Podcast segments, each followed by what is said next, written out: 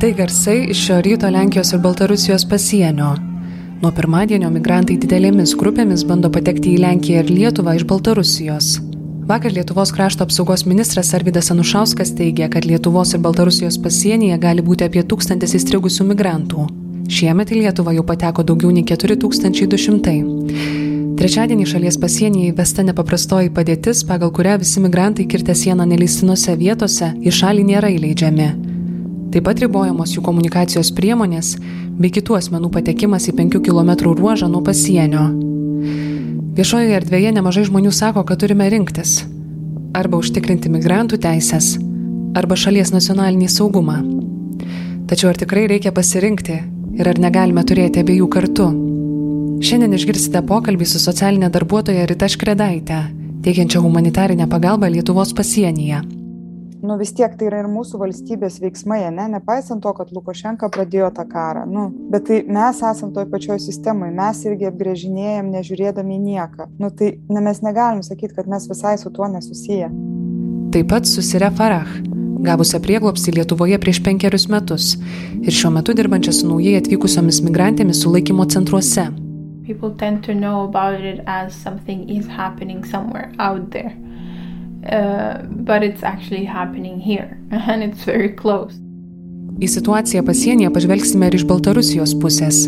Mūsų bendradarbis Tomas Valkauskas papasakos, kaip šiuo metu atrodo Minskas, per kurį keliauja didžioji dalis migrantų. Šiuo metu, kai atvažiuoja į Minską, atrodo, kad e, visi, visų dėmesys nukreiptas būtent į atvykstančius žmonės, į imigrantus, apie tai daug kalbama, jų yra daug mieste pakankamai. Ir galiausiai žmogaus teisų ir nacionalinio saugumo sutapimus ir priešpriešas analizuosime su tarptautinės teisės eksperte Erika Leonaitė. Tas nepaprastosios padėties įvedimas vėlgi neturėtų paneigti žmogiškumo, ar ne? Tai nepanei, neturėtų paneigti galimybės įsileisti dėl humanitarinių priežasčių asmenis, kur matome, kad jų sveikatai gyvybei galbūt grėsia grėsmė. Čia Nara tinklalaidė ir aš, Indrė Kiršaitė. Kviečiu likti kartu.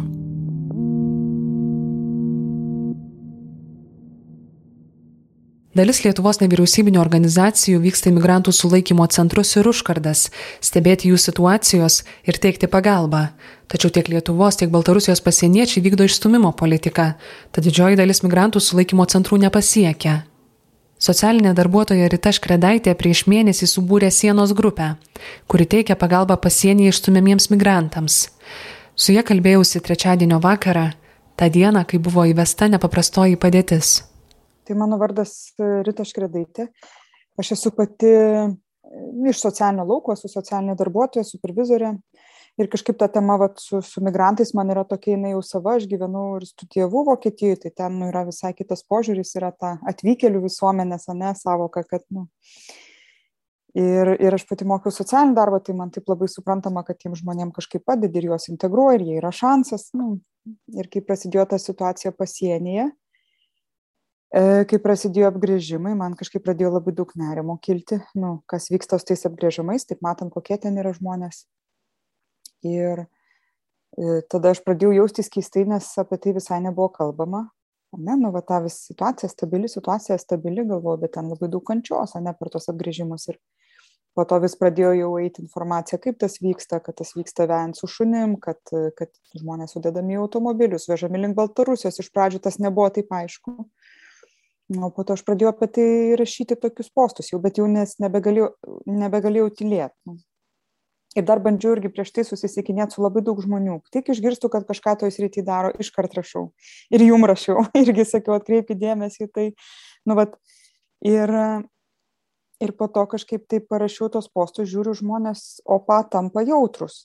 Bet, nes prieš tai tai pastebėdavau vat, iš mano draugų, kurie atrodo socialiniam laukia veikia, kai kurie net nežino, kad ten kažkas vyksta nu nes tikrai tokia vat bendra komunikacija yra tokia kad ten viskas gerai.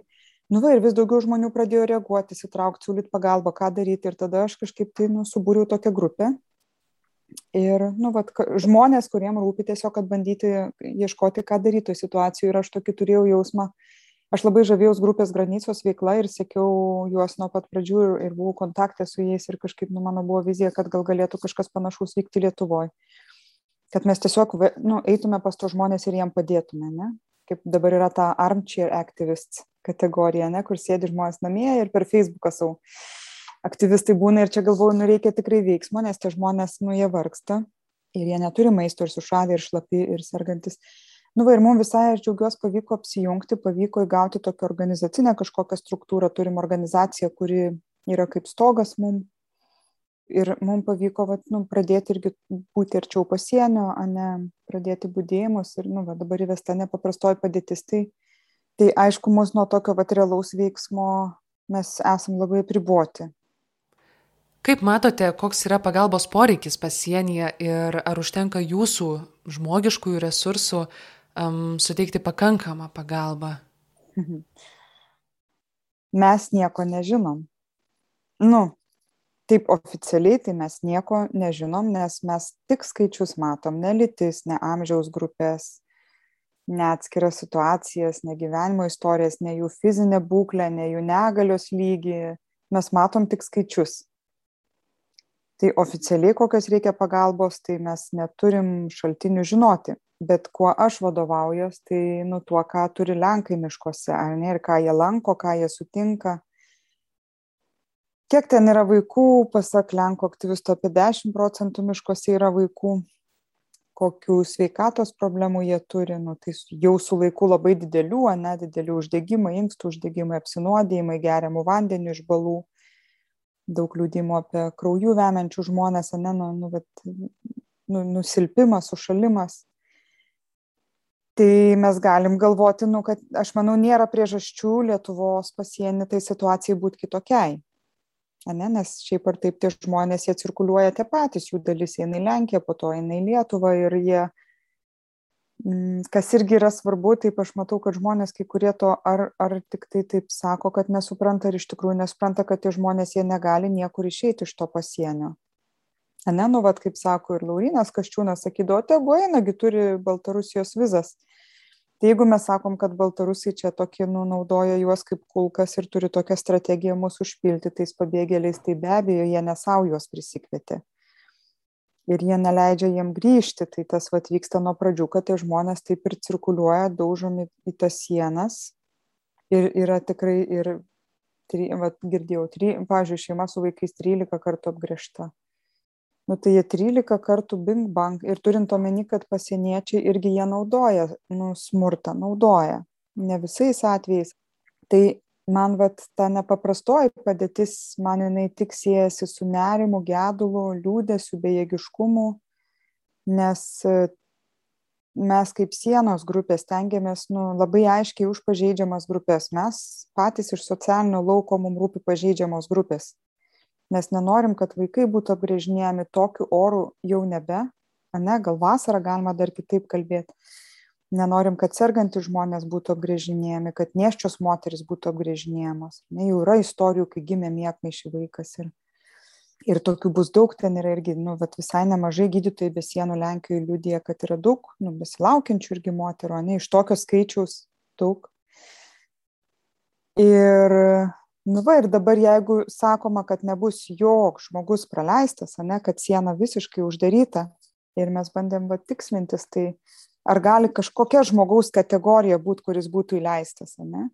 Nu sakykim su merdėjančiu vaiku ant rankų ateini ane ir ar ar gali toks žmogus būt įleistas? Ir nėra atsakymo taip. Tai mum tas kelia siaubą nes tiesiog bus labai daug mirčių ir jau dabar yra labai daug mirčių pasieny ane vat jau rugsėjį dalinosi žmonės kad vat palei lenkiją kai kuriuose palei baltarusiją kai kuriose vietose be abejo nu jie jau kada klimpo pelkėse ir jau mirtys rugsėjį lenkijoj buvo nuo sušalimo nu nuo nuo.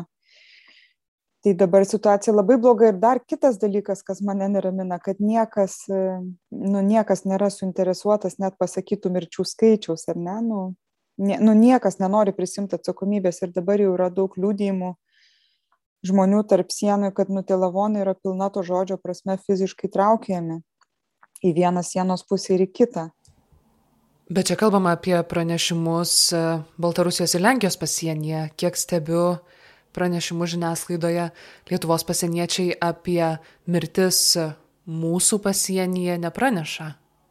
Aš kažką liktai vieną girdėjau, bet, nu, tie dalykai tikrai neakcentuojami. Nu va, ir tada mes irgi va čia čia aišku, žinot, kaip bendrauji su tai žmonėm, nu, tu ne, negali būti tikras, ar ta situacija yra šimtaprocentinė. Ne, nu, bet kita vertus mes neturim iš kitur gautos informacijos ir va tai bendraujant, kai atsiranda kažkokia tendencija, tada gali galvot gal. Ir va buvo irgi vieno Lenkų gydytojo pasidalinimo iš ten žmogaus, kuris po to jam pavyko patekti ligoninį ir kol jie su juo susirašinėjo, sako, are the dead people, yes, and children, yes, ir ką su jais daro? Nuneša į baltarusiją nutempia lenkų pareigūnai. Ir ką tada daro? Užkasa. Nu va toks dialogas vyko jis buvo irgi nu kaip žinutė paviešintas. Tai skamba siaubingai bet realiai nu niekas nėra suinteresuotas tų mirčių parodyt ar ne? Bet kalba irgi apie tą upę kur kur baltarusiai stumia į lenkiją eit ir plaukti žmonės. Čia buvo irgi istorijų su tais nuskendusiais tai sako ten toj upėj daug yra lavonų ane bet nu niekas nenori prisiimt atsakomybės. Ir čia man yra kita dalis. Nepaisant to kad mes nu vis tiek tai yra ir mūsų valstybės veiksmai ane nepaisant to kad lukašenka pradėjo tą karą nu bet tai mes esam toj pačioj sistemoj. Mes irgi apgręžinėjam nežiūrėdami nieką. Nu tai ne mes negalim sakyt kad mes visai su tuo nesusiję ane? Ir tada nepaisant to kad žmonės yra stumiami tokią baisią kančią tai dar jie net nebus identifikuoti ir jų artimieji. Nu yra pilna tose tarptautinėse grupėse kad artimieji ieško savo vaikų anūkų giminaičių ar ne kurie yra dingę tai jų kūnai ne nu jų mirtis net nebus kažkaip identifikuota Ir ką Jūs pati sakot, kad jeigu nebus iš mūsų pusės prileidžiamos e, nevyriausybinės organizacijos žurnalistai, tai tada mes matysime vaizdus tik iš e, Baltarusijos pusės, o matome, kaip Baltarusija piešia visą situaciją ir kad Baltarusijos žiniasklaida išnaudoja visą tai savo propagandiniams tikslams. Ir žinot, nu, va, tas toks stiprus noras slėpti tą informaciją ir va, nu mes sakom mes vat tam sienos grupėj mes jaučiamės padedantys valstybei. Nu mes tikrai neveikiam prieš įstatymus ir ir mes padedam žmonėm ir jeigu aišku yra viena kas yra viešai komunikuojama bet jeigu taip paėmus tą realybę ane kad nu žmonės labai pažeidžiamose situacijose yra apgręžinėjami tokiu šaltu metu tai bandydami tiem keliem žmonėm padėt mes tik padedam ir valstybei ane ir jos įvaizdžiui ir tada vat irgi padar nu padarom kažkokį veiksmą ir gaunam tikrai kibirus kokie mes esam. Visokie čia baltarusijos interesai ir nors mes aiškiai įsivardinę mum tik dėl žmogaus mes tą darom. Jokių kitų interesų mes neturim mes visiškai ne ne iš kažkokio nu mes sakau didžioji dalis esam tikrai iš socialinio lauko žmonės kurie nuolat dirba teikdami socialines paslaugas lietuvoj socialinių įstaigų vadovai mūsų vienintelis interesas yra padėti žmogui. Ir jeigu tai būtų lietuvos interesas mes galėtume bendradarbiauti. Papasakokit kaip jūs veikiat ir iš ko gaunat pranešimus ir apskritai kur ir kada važiuojate? Mes neturėjom labai daug tų iškvietimų. Mes nu vat po tokio ilgo tokio tiksėjimo mes dabar vat nu tokių gal keletą savaičių kad labai intensyviai veikiam tikrai taip non stop ir naktim ir ir vat stengiamės pradėti tą tokį budėjimus truputį arčiau pasienio. Nu, o su pagalbos šauksmais tai kaip, nu, čia nėra jokios paslapties, mes neturim jokios slaptos pagalbos linijos, bet tiesiog yra tarp mūsų žmonių, kurie ar dirba žurnalistinį darbą irgi, kurie bando palaikyti kontaktus su tai žmonėm. Arba kartais Lenkai sako iš grupos granicos, hei, kas galit padėti, pavyzdžiui, čia dabar buvo grįžinėjo iš Irako moteris, buvo pastraukus iš Lietuvos, buvo sulaikyta, tada ją su vyru pagavo Lenkijoje, gražino. Ir mums sako, hei, gal galit padėti, va jie čia važiuoja, kad tik jos neišvežtų į Baltarusiją, nu, tai mes tada šokam irgi. Užsitikrinam, kad jin negrįš į Baltarusiją, tada bandom su to vyru komunikuoti, kaip jam ten nuvykti. Mes jau turim tokią vieną situaciją, esam turėję, tai bandom ten paaiškinti, kaip su pažymėjimais ar ne ir ir tada tas kontaktas jis lieka kažkaip tai tada kažkam vėl perduoda ane nu vat ir ir ir tokiu būdu yra tos didelės tarptautinės grupės kur yra daug ir tų pabėgėlių ar ne ir jų artimųjų tai tai tiesiog sakau mes nedarom to taip masiškai kaip grupoj granicoj mum dar šimtas kilometrų iki jų nu ta prasme kokiu intensyvumu jie dirba jeigu jie penkis šimtus žmonių atliepia per savaitę tai žinot nu čia visai kiti mastai Dažnai žiniasklaidoje imigrantai piešiami kaip vienoda masė, e, kad jie visi važiuoja dėl tų pačių tikslų ir dažniausiai jie yra ekonominiai Su kokiais žmonėmis jūs susidurėte ir kokias istorijas išgirstate? Mm. Tai man tas homogenizavimas irgi yra labai, nu, tokia jautri tema, galvoju, nes mes kalbam apie 10 tūkstančių, ne 10-15, kurie yra ten palei sieną. Ir tada taip lik bandoma pridėti bendri bruožai kažkokie tiem žmonėm. Tai, nu, aš galvoju, tos situacijos, va irgi, kurias mes girdim, nu, tikrai yra labai skirtingos, ar ne? Ir yra dalis žmonių be abejo, kurie ieško geresnio gyvenimo. Yra ta svajonė Europą, yra svajonė Vokietija tai čia yra viena, bet yra žmonių, kurie, va, irgi girdėjos ir tos istorijos, pažiūrėjau, atvyksta dėl kokio gydimo, ne, nes pas juos šalyje nėra sutikiamos tokios sąlygos arba, arba kurie tikrai yra, va, man atrodo, irgi migracijos departamentas labai nepaiso, tų, nu, nėra įsigilinę į tai, kas vyksta jų šalyse, ne, kaip priema sprendimus suteikti prieglopstį ar ne nes yra tikrai nu etninės grupės kurios yra persekiojamos ar ne nors toj šaly nevyksta karas bet tam tikros etninės grupės. Arba e, na yra žmonės kurie viską pavyzdžiui išpardavę irgi vat yra kurie išparduoda griuvėsius sugriauto namo. Arba išparduoda namą ir atkeliauja čia ir vat irgi ten yra kurių kurie turi artimųjų ten vokietijoj ir kurie taupė pinigus, kad galėtų čia vat, atsivežti tą šeimos narį. Yra tokių situacijų. Bet čia, man atrodo, yra normalus žmogiškas judėjimas, lygiai tą patį, ką ir mes darom. Tik esam laimingi, nes esam nuvat saugio erdvėje, ne, judam Europos Sąjungoje. Ir... Tai labai tos istorijos skirtingos. Ir kas yra irgi, kad nu, yra dalis žmonių, kurie maldauja būti gražinti. Ir man va tas, ane, yra gal dalis aš ir kaip žiūriu į tuos jaunus vyrus, kurie ten eina, jie turbūt dar tiki, kad jie čia eis, praeis. Bet yra pilna tokių jaunų vyrų, va, iš Lenkų aktyvistų dalinimosi, kurie jau nebepakelia galvos arba kurie jau yra mirę iš ankstesnių tų, ne atvykusių žmonių. Bet yra žmonių, kurie maldauja būti gražinti ir man šitoje vietoje yra apie humaniškumą, ar ne, kad būtų galima tikrai daryti kažkokias humanitarinės platformas. Nu, yra tokių sprendimų buvę jau istorijų, ar ne, kad surink bent tuos žmonės, kuriuos priima kilmės šalis, arba kurie patys prašo, kurie gal turi pinigų, nu, vad kažkokių ieškoti veiksmų, kaip juos iš ten išlaisvinti. Nes jeigu mes taip save apgaudinėjom ir sakom, kad, nu, tegul grįžta į Baltarusiją, tai čia yra tik save apgaulė. Aš žinau tik kelis atvejus. Tai yra labai pavieniai atvejai, kuomet šeimom pavyksta prasprūkti atgal į Baltarusiją ir kažkaip dasigauti iki Minsko, žinau, taksas už 700 dolerių. Ten irgi to žmonės išnaudoja labai, ar ne, ar ten nakvynė kažkaip, irgi ten, ne, nepamenu kainos, bet nu, žvėriškos kainos. Ir yra irgi istorijų, kai pasieniečiai sako, gausim jum taksą ir paima pinigus ir dinksta. Nu, vat apie pinigų pasiėmimus iš Baltarusijos pusės irgi yra daug, tai galvoju, tie žmonės, nu, vat vienintelis, ką dar gal turi, ne, kas jiem kažkaip gali padėti išeiti iš ten, tada ir tas yra atimama. Ar įsileidžia jūs pasienio pareigūnai um, suteikti pagalbą ir apskritai kokios tos pagalbos labiausiai reikia? Ir ar migrantai sulaukia pagalbos iš valstybės pusės, pavyzdžiui, ar jie gauna kažkokių maisto davinių, ar mėgmaišių, ar kitų daiktų, ar tiesiog visko labai trūksta? Um, nu, pareigūnai nebendradarbiauja. Aš taip, nu, pareigūnai nenori, kad mes matytume to žmonės va čia kai buvo ta istorija kur mes du kartus bandėm sutikt tą keturių asmenų šeimą kurie mums sakė kad vaikai serga sušalę ir keturias dienas nevalgė. Pirmą kartą buvo per tris dienas jie buvo tris kartus apgręžti tai jie grįžo tada vat nu gal septynias dienas nevalgė jau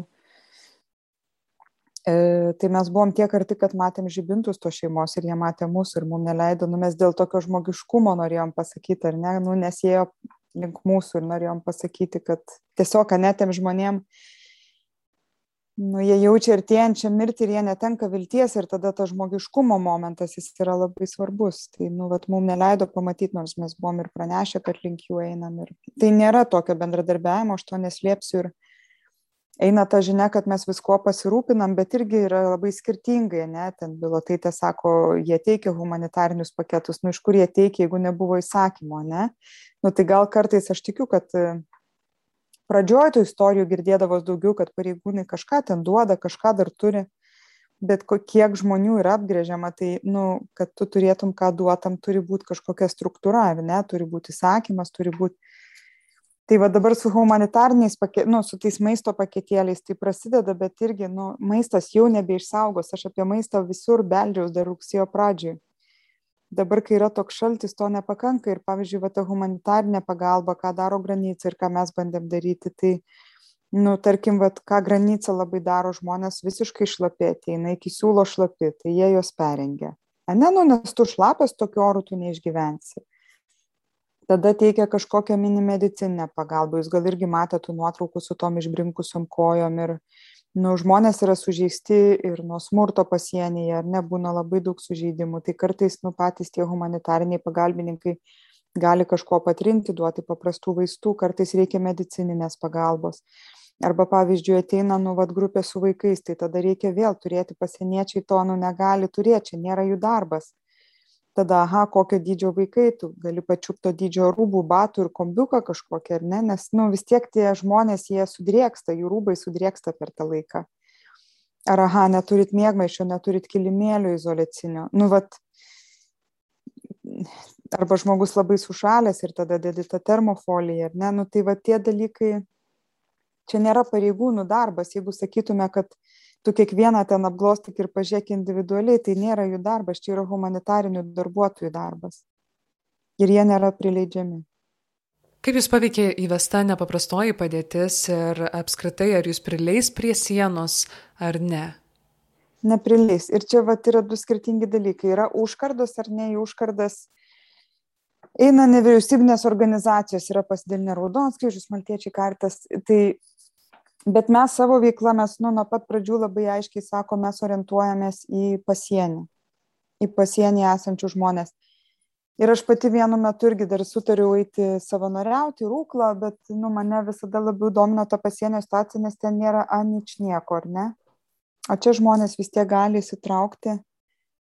Tai tuose užkarduose lieka pagalba bet jie sako iki neramumų neramumai jeigu iš jų atiminės telefonus yra garantuoti. Ta prasme telefono atėmimas jisai provokuoja neramumą. Nu tai čia yra užprogramuota. Čia negali būt kitaip. Nes žmonės jau dabar yra labai prastoj psichinėj būklėj ane nes jie nu jiem netikėta tai kas įvyko. Vėlgi tuose apgyvendinimo centruose mes girdim nu tai yra tiesiog institucija ane saugoma institucija ir joje pradeda galioti institucinės taisyklės, ar ne? Tai yra, nu, vis tiek labai daug ir hierarchijos ir mes girdim ir apie, nu, tokius fizinę jėgą. Ir, e, ir tie žmonės, nu ką, yra, vat, vienas, nu, vat, girdėjom atveju, išsako žmogus, kad nusižudys. Yra moteris, kur jau bandė žudytis, buvo jai ten ligoniniais, nu, išplautas skrandis. Uh, tai irgi ar mes apie tai girdim labai viešai? Nelabai ane? Girdim apie apie tai kokie jie agresyvūs ir teroristai bet tie žmonės yra palūžę.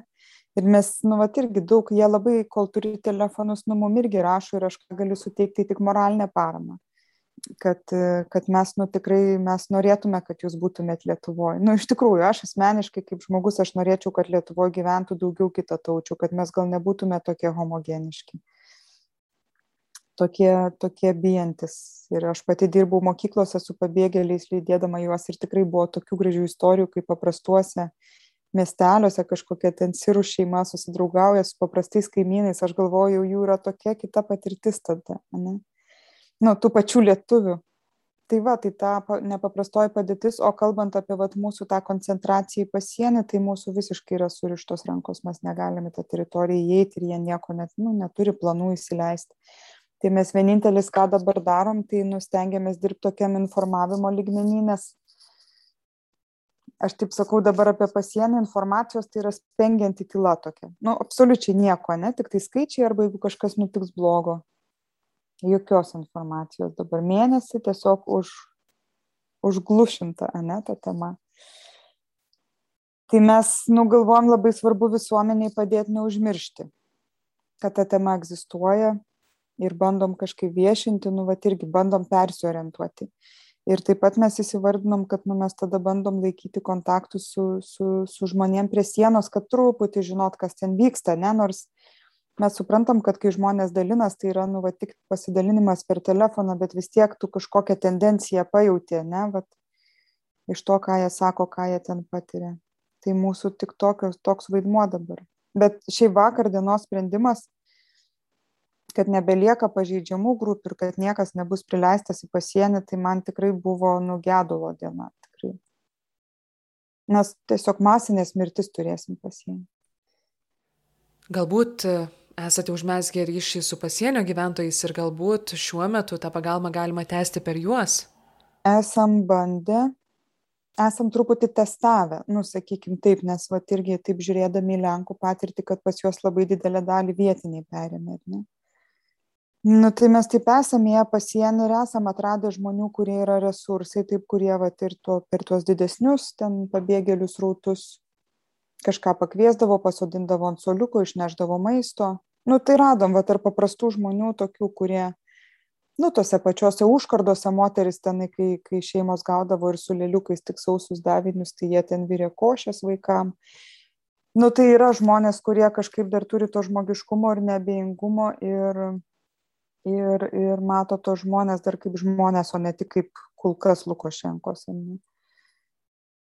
tai nega nu neg tikrai nėra taip kad mes esam užmezgę tinklą pasieny bet tokius vat pavienius žmones turim gal irgi čia bus nu su jais kažkaip susisiekt ar siųsti žinutes mes irgi buvom radę moterį kuri nu vat sutiko ant savo sodybos prie pat sienos gyvena ten yra koncertina nu bet anksčiau būdavo daug didesni srautai bet jeigu kas eitų jinai leido ant sienos pakabinti tokį for refugees plakatą ir mes pridėjom tokių maišų ten visko ir higienos priemonių maisto taip jau riebiai, galvom, nu jeigu kas nors eis. Ir prieš tai jinai nuėjo pasieniečių paklausė, nes jie ten netoli patruliuoja, nu, kartais patruliuoja prie koncertinos buvo.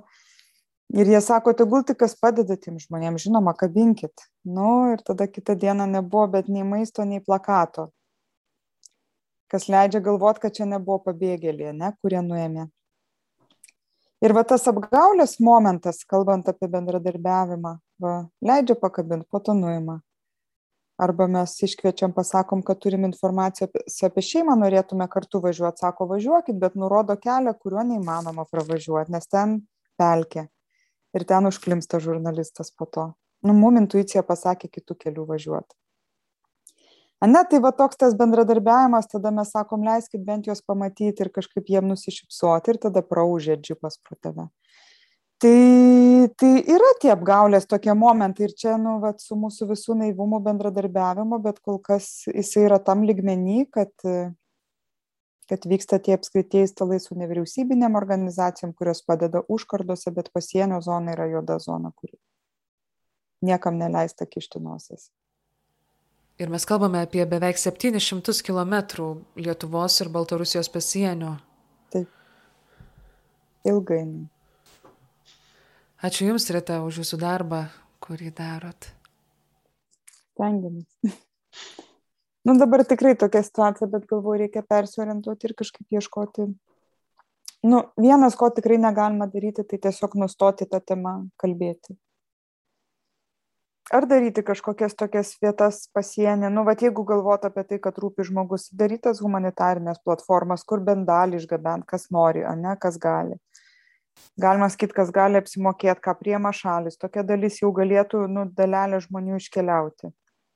Galima įrenginėt kažkokius išgyvenimo taškus pasienyje nežinau ane su tarptautinėm gydytojų komandom čia nereikia valstybės resursų tam kur būtų maisto kur būtų kažkas truputį pašildoma kur galėtų ateiti kažkokie humanitariniai darbuotojai būtų pilna tarptautinių organizacijų kurios važiuotų. Jau mum išvien skambina ir ten kažkokia krikščioniška pabėgėlių iniciatyva. Mes sakom dabar mes net neturim ką jum pasiūlyti sako bet nu mes norim atvažiuot mes už jumis meldžiamės. Nu vat mes jum atvešim to mes paimsim labdarą iš bielostoko mes dar patys pridėsim visko yra pilna žmonių kurie padėtų. Nu ta prasme yra privačių žmonių kurie mum išvien rašo kad kur kur įvesti pinigus bet mes dabar nu mum nereik dabar tų pinigų ane tai tikrai aš manau čia valstybei daug nekainuotų ir yra daug būdų nu va tą humaniškumą parodyti ar parodyt kažkaip kad tas žmogus rūpi kad kad ir žmogus padaręs klaidą yra kažko vertas ane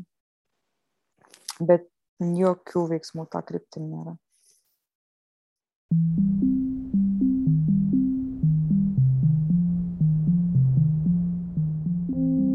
Dažnai kalbant apie pažeidžiamas grupės, Lietuvo žiniasklaidoje žvelgiama į jas iš šono, neįtraukiant tų, kuriuos tai liečia tiesiogiai. Kolegė Martina Šulskutė viename iš migrantų sulaikymo centrų sutiko prieglopstį Lietuvoje gavusią Sirę Farah, kuris šiuo metu veda užsiemimus naujai atvykusioms moteriams migrantėms. Šiame pokalbėje anglų kalba Farah pasidalina savais sunkumais, kuriuos teko pereiti ir šių dienų sulaikytų migrantų kasdienybę. Farah. Like people call me so many different things, like Farah, Farah in Lithuanian. More most of the people, but my name is Arab, in Arabic. It's Farah, which means happiness. And um, yeah, I came here like five years ago, and yeah, I did so many things. Basically, most of them are related to translation, and now I'm teaching mostly English with adults and with kids as well. And I'm going to the refugee center to do some workshops with women just recently. So you're communicating languages are English and Arabic? Yeah, both English and Arabic with them. Mm, and you're translating Arabic, English mostly? When I, yeah, when I used to translate, that was what I was doing, yeah. Mm. And in detention centers, you're not translating, you're uh, basically doing workshops or yeah. having time with women there. Yeah, yeah, not not translation at all. Like, uh, yeah, it's just basically like trying to do something fun with them, trying to, you know, like offers them something different than what they're experiencing there, which is basically really limited. Mm. Um, could you tell us how you decided to go to uh, these women, to these centers? Mm. Uh, mm-hmm. what was your thinking, your feelings, and your ideas uh, mm. behind it? Uh, what pushed you going there? Uh, I, yeah, I mean, like, because I basically came here as a refugee, so I'm always in the atmosphere but I, after doing translation for a while, I stopped. I mean, like I was uh, still in contact with some people, and when the situation started with Belarus and people coming through the borders, um, yeah, I was like I'm always in communication with Artscape, and we decided that it would be really nice to do something there, but it wasn't uh, like it wasn't clear that I would be the one doing and then uh, I'm here and I started recently to do women circles uh, with just a group. Uh, I'm, I'm trying to do that uh, on many different uh, platforms, like online with Arabic women that I know from back home and here uh, with foreigners. And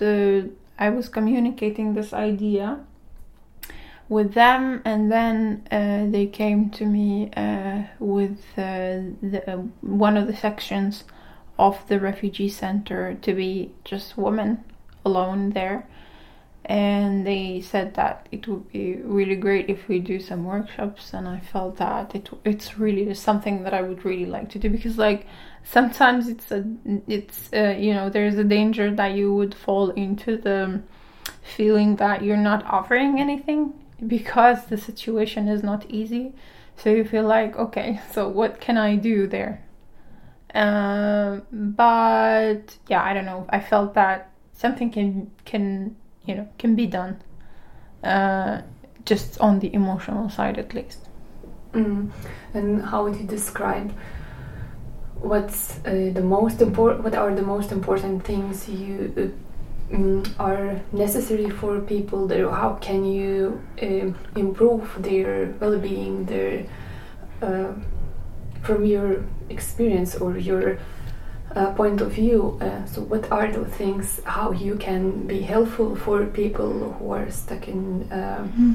restriction and boredom in um, not knowing what's their future I would say there are so many uh, sides of this, uh, like how can you help people and what can you offer.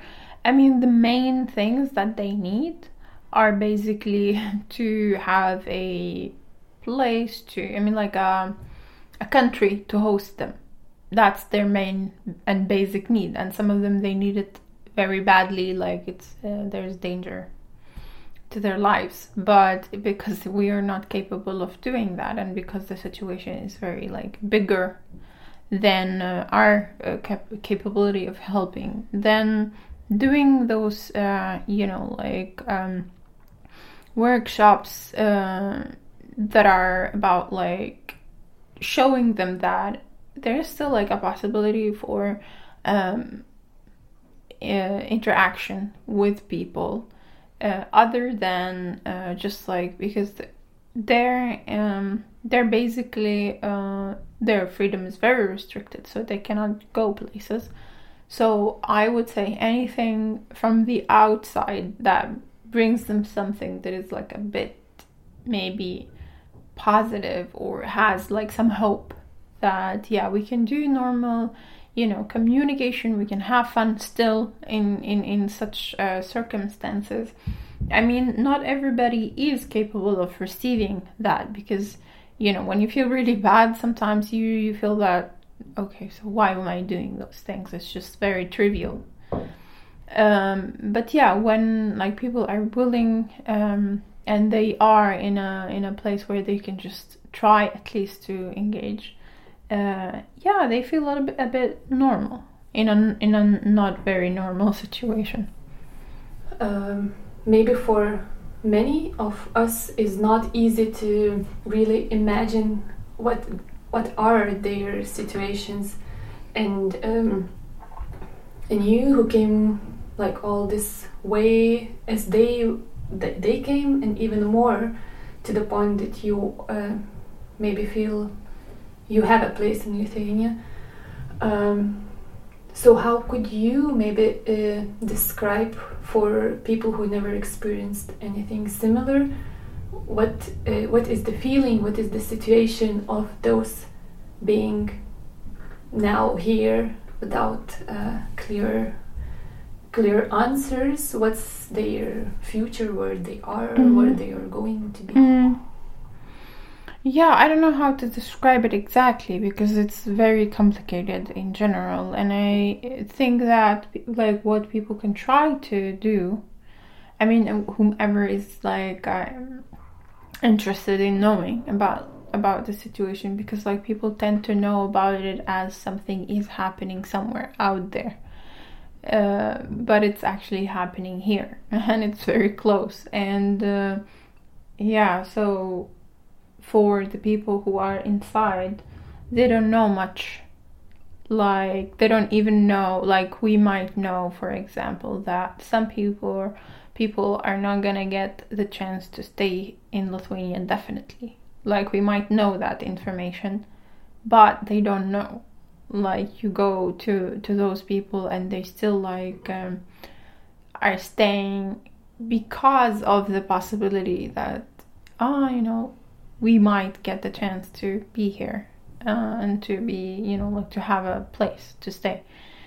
So you know like there's uh, no clear communication uh, about that because it's difficult to come to people and say that to, to, to them you know? So it's very it's it's very it's like two different worlds really. Like it's um, that those people have their own imagination about what's happening and that what's maybe keep what keeps them going inside but in reality like oh my god it's like you cannot tell them what is exactly happening so it's that big of a gap. Uh, yeah, so people who come here are mostly, I mean, like at least from the woman, from the, their perspective, women, uh, as you said, like when you were talking, women in the um, Middle East, they don't travel alone unless that there is a really like good reason. So most of them, it's not very uh, safe for them to stay there, and uh, that's you know that's what keeps them uh, going inside. The possibility like that they still have a possibility uh, or hope that they might be accepted here.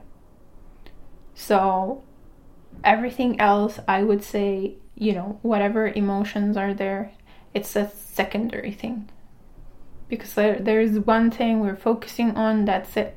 But take that from them and like tell them that it's actually you know this is the situation. I would say it's like really like it's gonna be really different. They either gonna be like really depressed mm, and they don't have that like you know privilege to be depressed. Like they can't. If they do then they i don't know like they might uh, yeah you know i've heard it from some women that yeah we, we cannot go back. Like we'd rather kill ourselves to come back. So yeah i don't know. As i told you it's like really layered and i don't know how to describe it in just like a few words. And being there today have you um, how have you experienced this um, need coming from them to explain their situation? Have you experienced them asking or trying to explain or yeah definitely. They always you know talk about the the situation. And um, they don't want like most of them they don't want to go into the details that makes them really uh, that touch into how do they actually feel. Because most probably it's so difficult that they cannot actually talk about it. And they cannot afford to be like just that you know? It's not like it's not a choice so they would rather explain about the situation in general that yes we cannot come back because it's dangerous. But like come and say you know like okay so why is it dangerous? What are the details? Most of the time it's really difficult to talk about those stuff you know like uh, to go into the details because it's it's it's most of the time uh, something very complicated has a lot of like um, pain around it and so on and uh, yeah like and the stories that they are uh, that they are told uh, when they came here you know the, the stories that they were told to them when they came here it's totally different from what we know. Like they don't know about the situation in Belarus. They don't know that it's just like a political game. Most probably there is someone, a smuggler, who told them that you have a chance to go to uh, Europe, and they just grab that chance, and they don't know that people are stuck in the borders. Nothing like the news don't don't they don't go from one side to another. It's just like one sided uh, story and it doesn't like reach the other side. That's why we're like, why people are just coming here and staying in the borders even though it's cold, their families, because they don't know. because they really don't know. And they probably have a really good reason for coming.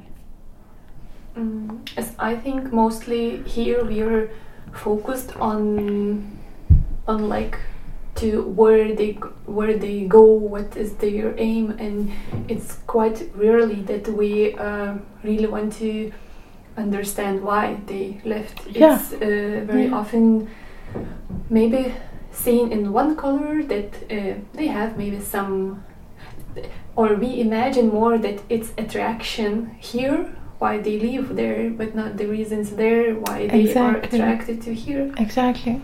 It's a really good point. Yeah. Uh, so you said that uh, there is a lack, there is a lack of um, like knowledge and information about their like daily situation and mm. immediate situation. Um, so, if you know uh, what what information do they get, uh, how they gather the uh, the how they gather information about what's going on with them. Mm-hmm. Um, are there some channels they are following? Is it communication with uh, family, with people who are mm-hmm. uh, like outside mm-hmm. or living here? Mm-hmm. I cannot imagine how is it exactly because this is like a very detailed thing uh, to to know. But I can tell you from my experience, for example, or from what I know from people, the um, yeah, people in countries like Iraq, for example, or any countries that has trouble, um, they are not like they don't feel safe in general. Like they are not safe, and they have this constant inner desire that we want to leave. You know, like you're you're staying in a place and you just want to leave because you know that it's not a proper place to live in. I mean, of course, there are people who settled there, who live there, I'm not saying that the whole country, it's like people imagine if the country is not safe, then everybody must be in danger of dying every second. It's never like that. Like there isn't it's not a realistic situation. But yes, there are a lot of people who um, are threatened, who live under circumstances that their eyes on them because of something that happened in there and so on. It's like a lot of details that nobody could know of unless they actually live there.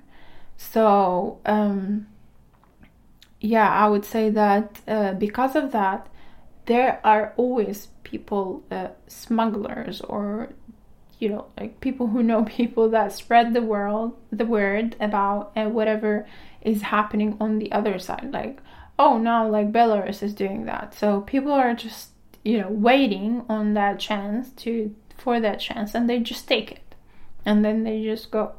And of course, the smuggler won't come and tell you that, oh, you know, like uh, uh, it's but it's dangerous. Be you know, like be careful. Like, of course not. They will tell you that, you know, roses and flowers on the road and like everything is gonna be like smooth and easy. So yeah, they have really little information and they probably like have even like fake stories, like not true. Yeah, stories about what's happening.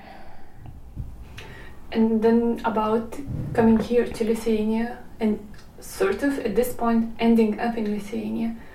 Uh, how about this feeling? Mm. Like it's probably big part of of people coming here never wished be here to be here. Uh, I mean, like, um, it depends on the situation. Like, yeah, to be honest, I, I wasn't in contact with uh, so many people who came here as refugees in a while. But now, when I when I'm like communicating with people again, and I'm now talking about those women only because I didn't meet everyone. Um, from what I know, uh, these people they just want to be welcomed in a different country than than theirs, and that's it.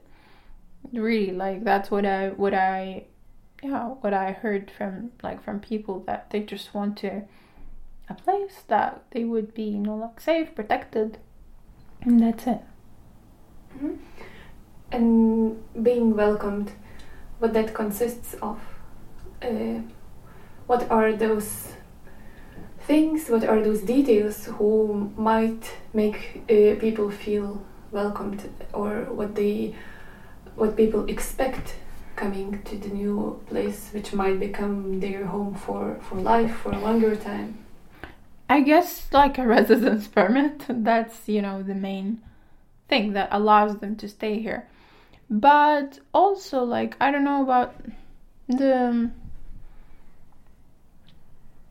like the situation in lithuania in general for people who are coming from like a really totally different background cultural background. I mean of course like how would they live here if they won't have like uh, uh, job opportunities for example like they're all like willing to put the effort and work, but are there like opportunities for them when they don't speak the language and when there aren't like a lot of programs for people who are integrating for proper, you know, like classes and stuff like that. So the whole integration uh, process might be complicated later. And now they are not thinking about that at all because the only thing that they want is to be allowed legally to stay here. But yeah, of course, there will be like a lot of challenges uh, in here because, like, you know, when you don't have a community, then it's like your chances are less. And here, there aren't. Like, there isn't in an Arabic community. For example, this is I'm talking about the Iraqis now. Africans, I'm not sure, but at least like they speak some of them they speak good English and it might give them more opportunities. So I cannot predict how is it gonna be because you know each person's story is different. But yeah, like there it, there isn't proper proper way of like really uh, providing uh, yeah like there isn't in, in, in like proper integration that i would say for for people who are like really like coming from a different cultural background with no language nothing it's like a big challenge for lithuania mm. and uh, what are your own your personal feelings about uh, people coming now in all situation and things that you uh, saw or in in this uh, detention center like yeah all your feelings and emotions. I don't know. It's really like I I don't know how to define that because like I'm not in a place to judge anything. Like not um like they're here. My wishes is that they would be accepted here and that they would find a proper way to live decently. Yeah, at least like decently because like compared to what they have been through, they deserve to live just like safely and decently. They're not aiming for like wow, you know, like which is not I'm not saying that it's something wrong to aim for like a really good life. But for now, that's, you know, what what I wish for them. And what I wish for um mm, like for from the other side would happen in Lithuania, they they would have some support uh, I mean, like it. Of course, it's not that the attitude is only Lithuanians. Uh, I mean, Lithuania's uh, burden to carry. The, with this amount of people, you need like a lot of support from all the European countries. So yeah, from the other side, I wish that there would be like more support to really consider the cases, really like um, fairly to consider those. And maybe think in the future to uh, work on you know this like integration create like mm, like job opportunities for them and stuff like that. And yeah could, these kind of like things could be like big projects that so many people might be involved in. You know like creating a um, an integration for people like that it's also uh, something that uh, yeah can it's just that it's a mutual mutual um, benefit i would say for both sides. Like from there there are like new ideas new let's say uh, uh, like employment opportunities and for the other uh, side it's also the same you know? So i don't know if it's like a clear yeah yeah so that's what i wish for but i don't know if that if that is possible yeah. Maybe like I would wish for a way that I mean you cannot force people force the knowledge of that of this situation on people. Like people choose to know about this or not.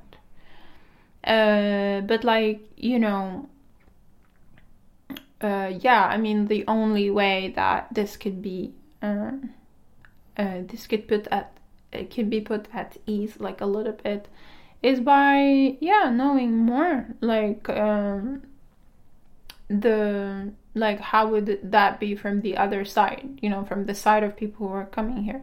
Because if if it's uh, most uh, the like public opinion is that oh people are coming we have to defend ourselves this is the gen i'm not saying that everyone is like that but this is the general atmosphere but if more and more people like try to know more, um, look at them as you know human beings trying to do something you know better for their lives, then yeah, they might that might affect a lot of things.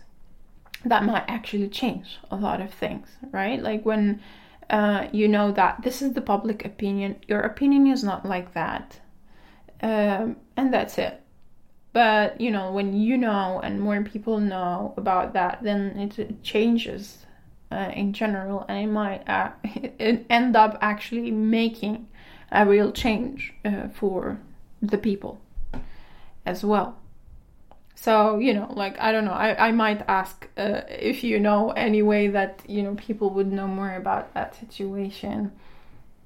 To be more involved i would say people in Lithuania. Uh -huh. I mean, mm, no. Thank you a lot. Uh, You're welcome.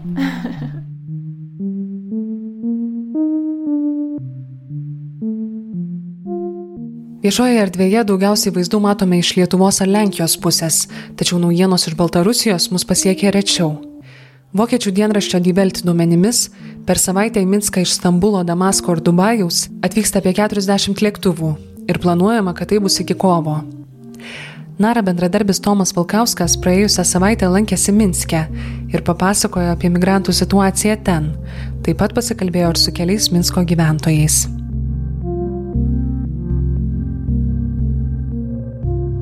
Tomai, grįžai iš Baltarusijos prieš savaitę. Kaip pasikeitė vaizdas ir temos, kuriomis šiuo metu žmonės gyvena?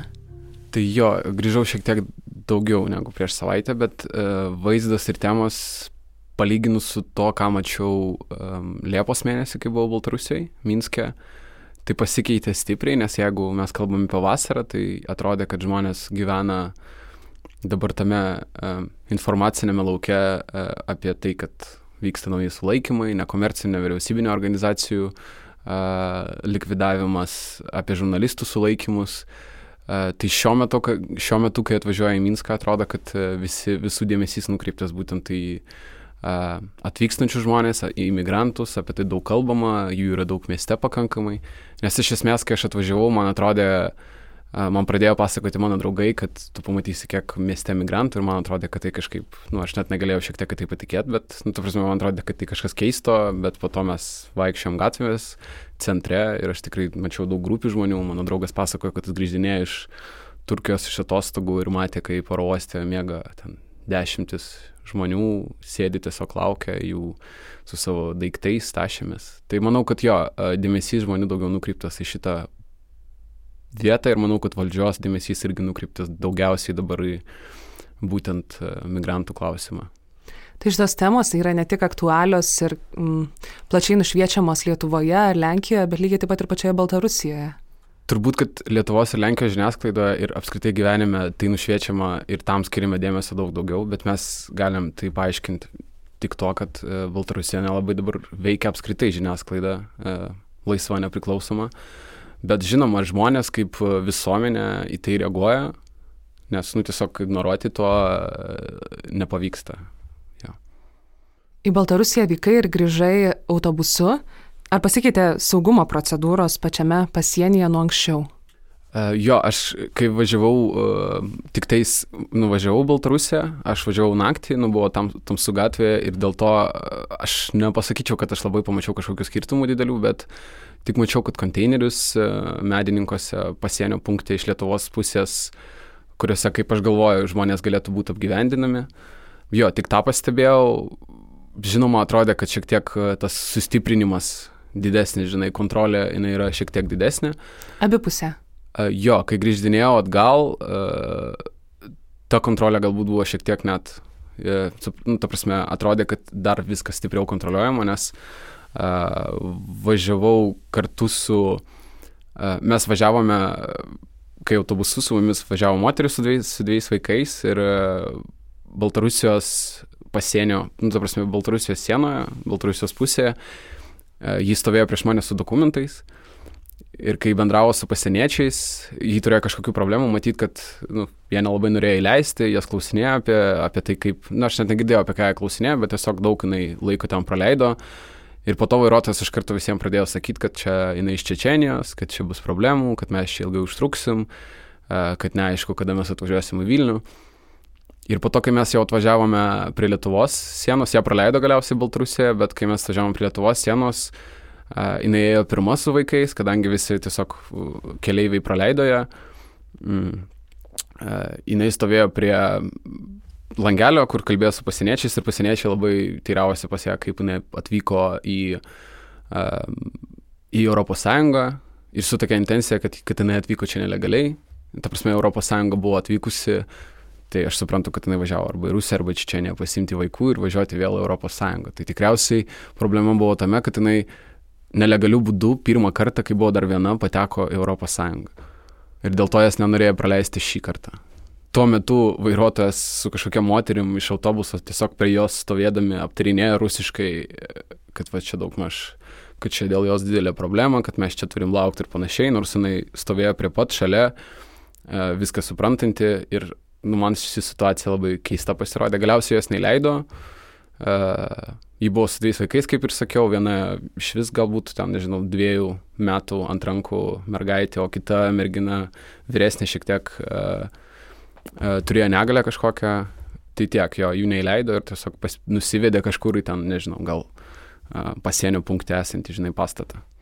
Tiesiog išlaipino ir, ir nusivedė. Jo, su ja ilgai kalbėjo, daug teiravosi apie tai, jinai bandė išaiškinti, kad jinai pateko Europos Sąjungą legaliai ir uh, pasieniečiai akivaizdžiai nelabai tikėjo žodžiais ir ten bandė, žinai, taip išsukti tą pusę, kad, nu kaip jūs, jinai, jinai pastovi pasienio, pasienio darbuotoja pastovi klausė, kaip jūs patekot, galit parodyti bilietus ten skrydžių arba kažkokius dokumentus uh, ir panašiai. Ir šiaip, kai mes atvykom tik tais į Lietuvos pasienį, visą laiką užžeina pasienietis, kai tu važiuoji autobusu ir tiesiog pasižiūri, kiek žmonių yra autobuse. Uh, Ir kai jisai, kai jisai užėjo, jis iškart paklausė vairuotojo, ar neturit kažkokių įtartinų asmenų autobuse. Nu, ir, ir žinoma, apie kurios asmenys jis kalbėjo. Aš nežinau, ar buvo tam, form, nepamenu, ar buvo formuluoti kitos tautybės, kažkas tokio, bet kažkaip man pasirodė būtent tokia, jo buvo toks klausimas ir vairuotojas tiesiog pasakė, kad, nu, aš negaliu nieko pasakyti, jūs patys pasižiūrėkit, ar turime tokių asmenų čia ar ne.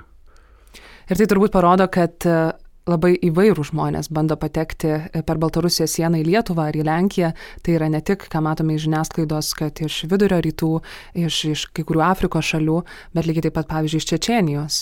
Jo, e, aš turbūt negaliu pasakyti ir nemačiau daug e, tokių atvejų, bet jo, buvo ir prieš tai rašoma apie tai, kad iš Čečenijos atvykdavo žmonių nu, per paskutinius kelias mėnesius į Lietuvą, bandė atvykti. Uh, Didžioji dalis migrantų bandančių patekti į Lietuvą ar Lenkiją atvyksta per Minską. Tu pats buvai Minske, kaip matai, kaip pasikeitė miesto vaizdas, ar tu tuos žmonės matai, nes kalbame ne apie kelius šimtus žmonių, bet apie tūkstančių žmonių, kurie bando patekti į Lietuvą ar Lenkiją, tai kaip atrodo viskas pačiame mieste? Tikrai pastebi tos žmonės, jų tikrai yra nemažai. Yra kelios centrinės vietos, kur yra daugiausiai Kokios tai vietos? Yra, pavyzdžiui, prekybos centras, kuris randasi e, Pergalės prospekte, pačiam Minsko centre. E, prekybos centras vadinasi Galerija. Visai netoli metro stoties e, Nemyga, tai čia centrinė gatvė miesto. Ir jų ten yra daugiausiai, kiek aš pastebėjau, nes mes ten kelis dienas, kelis vakarus vaikščiojom tiesiog, nes čia nu, pasivaikščiodami per miestą ir matėme jų ten, nu, tikrai dešimtis šimtų žmonių, kurie stovi tiesiog prie to prekybos centro. Uh, arba tiesiog grupelės, kurios vaikšto visai netoliesi to prekybos centro. Tai mano galva tai susijęs su to, kad jie apsistoja viešbučiuose, kurie yra visai netoli šitos vietos. Jeigu pažiūrėti į žemėlapį, pavyzdžiui, Minsk, kur būtent šitą vietą paimti, tai aplink yra trys viešbučiai, viešbučiai minimum, kurie yra tokie senesnė sovietinio, sakyčiau, pobūdžio, žinai, viešbučiai, kurios, kurie yra pigus pakankamai, kuriuose tikriausiai apsistoja. Tai dėl to manau, kad jie ten ir praleidžia daugiausiai laiko. Žinau, kad jie dažnai vaikščio į, į patį prekybos centrą, bet neseniai pasirodė, aš mačiau nuotraukų telegramę apie tai, kad uh, pačiam prekybos centre administracija pakabino įspėjimus, kad žmonės su turistiniais uh, krepšiais arba kuprinėmis negali įeiti į vidų. Tai irgi toks netiesioginis, žinai, nuvedimas į tai, kad uh, ne tai, kad neleidžia migrantus užeiti į vidų, bet tiesiog žmonės su turistiniais uh, su turistiniam kupriniam. Visumoje nelabai kas kreipia dėmesį jos. Tiesiog visi labai paprastai tai reaguoja.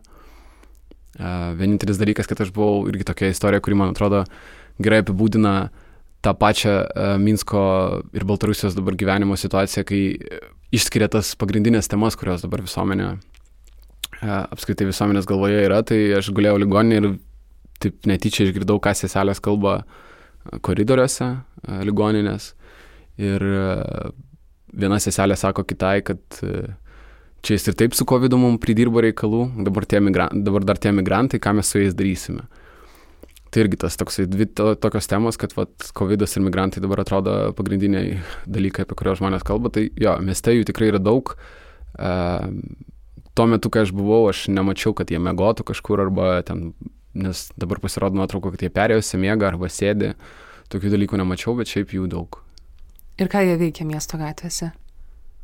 Tiesiog vaikšto, mačiau jaunus vaikinus, ten grupelės e, vaikštančius, ten, žinai, tokia centrinė gatve, kur yra daug barų, tokia linksminimuose vieta Minsko, tiesiog pasivaikšto, nežinau, kalba telefonais, kalba bendrauja vieni su kitais. Prie, pavyzdžiui, viešbučio, kuris vadinasi Belarus, mačiau ten grupę žmonių, man pasirodė, kad tai yra viena, viena didelė šeima, jie tiesiog su tašėmis link to viešbučio, mes tiesiog su jais taip prasilinkėm. Mm, tai tiek, atrodo, kad nieko neveikia, net nelabai ne, ne supranti, ką, ką, ką jie ten daro.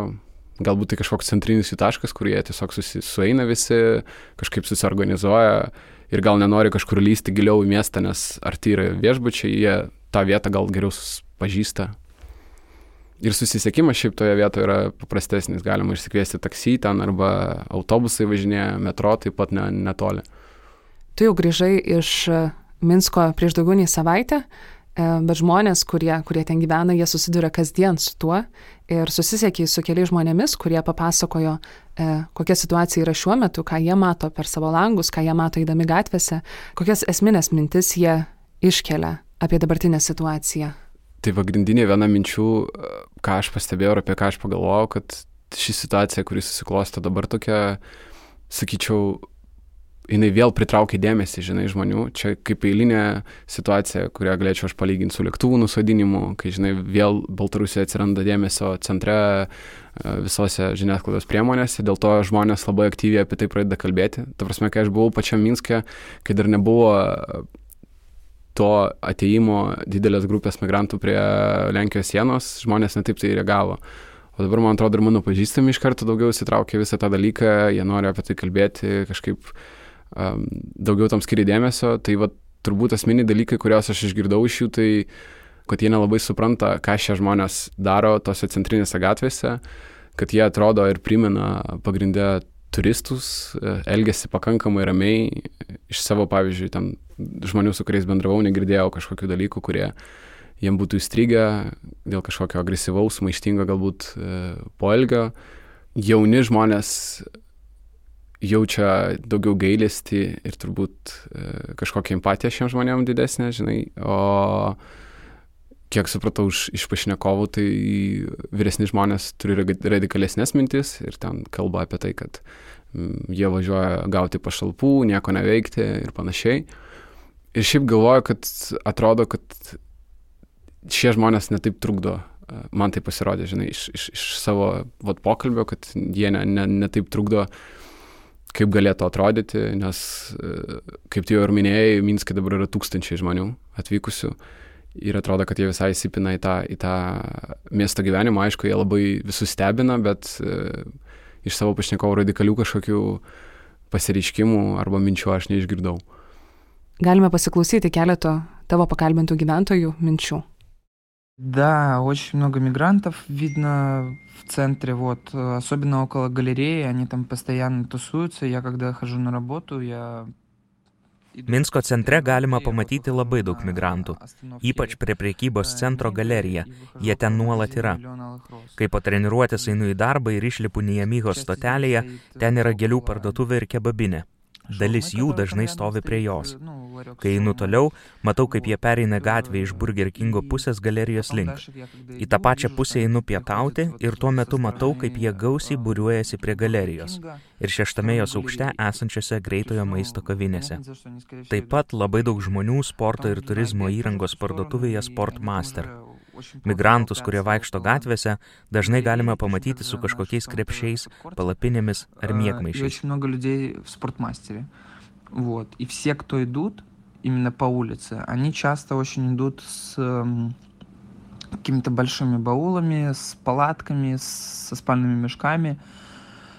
По поводу того, как они себя вели, еще раз, ну, обычно, то есть, ну, просто вот э, они заходят в супермаркеты, то есть, э, вот я тоже как-то заходил в Европ на галерее. Kažkada buvau užėjęs į maisto prekių parduotuvę Evropt galerijoje. Mačiau, kad jie stovi eilėse, pirkdami lietai gendantį maistą - bakalėjos produktus, konservuotą mėsą, žuvį, maistą, kurį galima pasimti su savimi į turistinį žygį, riešutus ar džiovintus vaisius. Pasima dar ir geriamo vandens.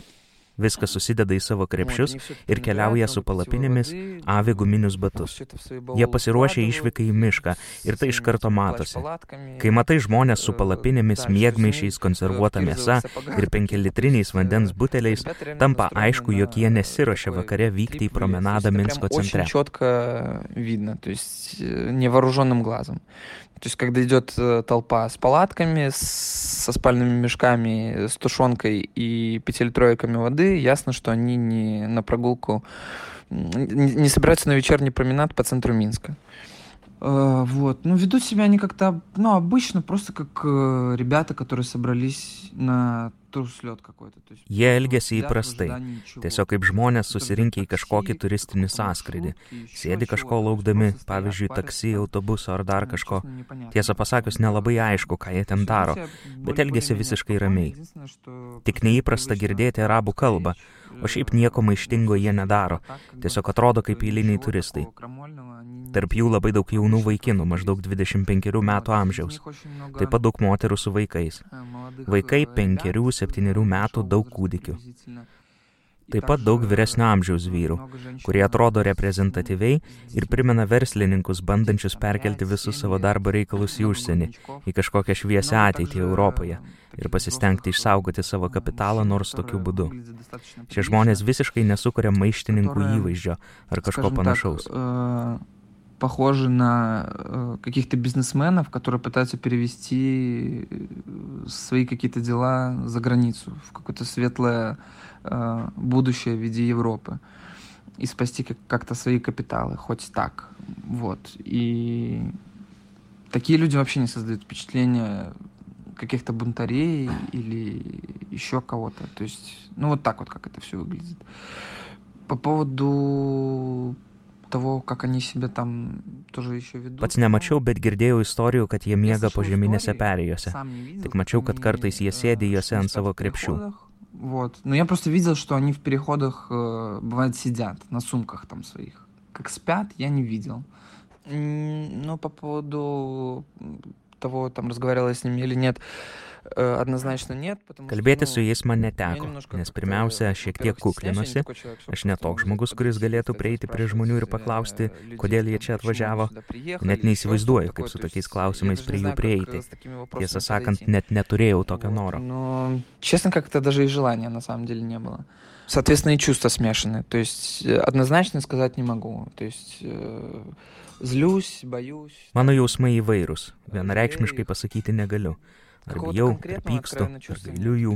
Kažkokios konkrečios emocijos nėra. Tiesiog nemalonu, jog tokia situacija iš vis susiklostė kad žmonės yra išnaudojami, jais manipuliuojama, o iš esmės visa tai tiesiog valdžios užgaidos organizuoti tokias провокацияс. Прихоти властей. То есть устраивать вот такие вот э, провокации и так далее и тому подобное. То есть ну, настроение в моем кругу общения совершенно обычное. То есть все прекрасно понимают, откуда rastut nogi, почему все так происходит. Все, естественно, Mano aplinkoje nuotaikos visiškai įprastos. Visi puikiai supranta, iš kur kojas dyksta ir kodėl tai vyksta. Visi kaltina vieną žmogų, kuris visą tai pradėjo. Natūralu, kad mūsų tauta nepratusi prie migrantų iš artimųjų rytų. Mes esame šokę, kas čia iš vis vyksta. Mes visuomet pakraupę stebėjome tai, kas vyksta Europoje, kaip vystosi jų migracijos krizė ir kaip ES valdžia negali suvaldyti migrantų srauto. O dabar susidūrėme su lygiai tokia pačia problema ir esame tiesiog tranzitinė zona. Tad lieka visą tai tik stebėti. Žinoma, kad visi nustebę žiūri į migrantus, kurie stengiasi kažkaip pasistatyti savo gyvenimą, bėga nuo karo ar kitų problemų ir stengiasi tiesiog išgyventi šioje situacijoje. Bet ne visi tai supranta, ne visi gali atsistoti į jų vietą. Galbūt aš irgi esu vienas iš šių žmonių, nes tiesiog negaliu jų suprasti. Ir sunku viską vertinti, nes nesu jų vietoje. Выжить во всей этой ситуации. Вот, но не все понимают, как бы не все, скажем так, хотят э, входить в их положение. Возможно, я тоже типа в числе таких людей, потому что ну, потому что я не могу войти в их положение. И трудно оценивать э, всю ситуацию, не находясь на их месте. Вот так. Gyvenu Minske ir pastaruoju metu tikrai vis dažniau miesto gatvėse matau migrantus. Dažniausiai jie renkasi miesto centre, prie metro stotelių Neamyha ir Oktebraskaja. prie prekybos centrų, tai yra vietose, kuriuose renkasi daug žmonių. Manau, kad yra kelios priežastis, dėl ko jie renkasi būtent čia. Galbūt juos tiesiog čia atveža ir jie pasilieka, nes nepažįsta miesto. Be to, nors centre į tokią didelę grupę žmonės kreips dėmesį, kokiame nors kieme jie sulauktų daug daugiau triukšmo. Centre daugiau vietos, šviesos, galima nueiti į tualetą priekybos centruose, rasti vandens. Nesu tikra, ar visi iš jų turi reikalingas komunikacijos priemonės, ryšį. Galbūt čia, kur juos atveža, vėliau iš ten pat ir pasiima. Todėl jie negali palikti šios vietos. Vieną kartą mačiau, kaip į centrą, netoli Jokūbo koloso aikštės, atvežė 15 migrantų grupę ir jie mėgojo daugiabučio kieme. Kažkas mėgmaišiuose, o kažkas ir be jų. Nežinau, bet nemanau, kad tai retas atvejis. Kartą vienas vyras manęs paprašė padėti jam iškviesti taksi, bet buvo sunku, nes nei angliškai, nei rusiškai jis nekalbėjo ir buvo labai sunerimęs. Sunkiai, bet galiausiai pavyko jam padėti. Galiu pasakyti, kad asmeniškai man nebaisu, o labiau gaila šių žmonių. Nežinau, bėga jie nuo blogo gyvenimo ar bando susirasti geresnį, bet kokiu atveju šiuo metu jų padėtis yra sunki. Miega gatvėse, nežino kalbos, laukia, kol juos su vaikais ir krepšiais nuveš į mišką, kur neaišku, kiek laiko laikys šaltyje. Reikia suvokti, jog tai žmonės ir jų gyvenimas šiuo metu tikrai nelaimingas. Mano artimųjų nuomonės skirtingos. Jauniems draugams lygiai taip pat kaip ir man, šių žmonių gaila. Mes šokiruoti dėl tokios situacijos, bet iš vyresnių žmonių vis dažniau girdžiu radikalių pasisakymų. Jie sako, kad migrantai važiuoja tiesiog gauti pašalpų ir nieko neveikti. Žmonės žvelgia tai skirtingai, bet situacija tikrai labai sunki. Ačiū tau, Tomai, už tai, kad pakalbinai šitos žmonės ir kad suteikiai tokį platesnį vaizdą ne tik iš mūsų pusės, bet kokia situacija yra ir kitoje pusėje, iš kur žmonės atkeliauja. Ačiū tau už pokalbį.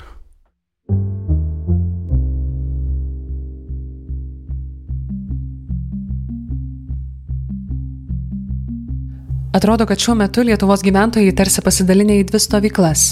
Vieni į pirmą vietą iškelia nacionalinį saugumą, kiti - žmogaus teisės. Socialiniuose tinkluose daug nužmoginančios ir karo retorikos. Su Erika Leonaitė, Vilniaus universiteto teisės fakulteto ir tarptautinių santykių ir politikos mokslų instituto dėstytoja bei žmogaus teisų stebėjimo instituto teisės programų vadovė pasikalbėjau apie tai iš tarptautinės teisės pusės.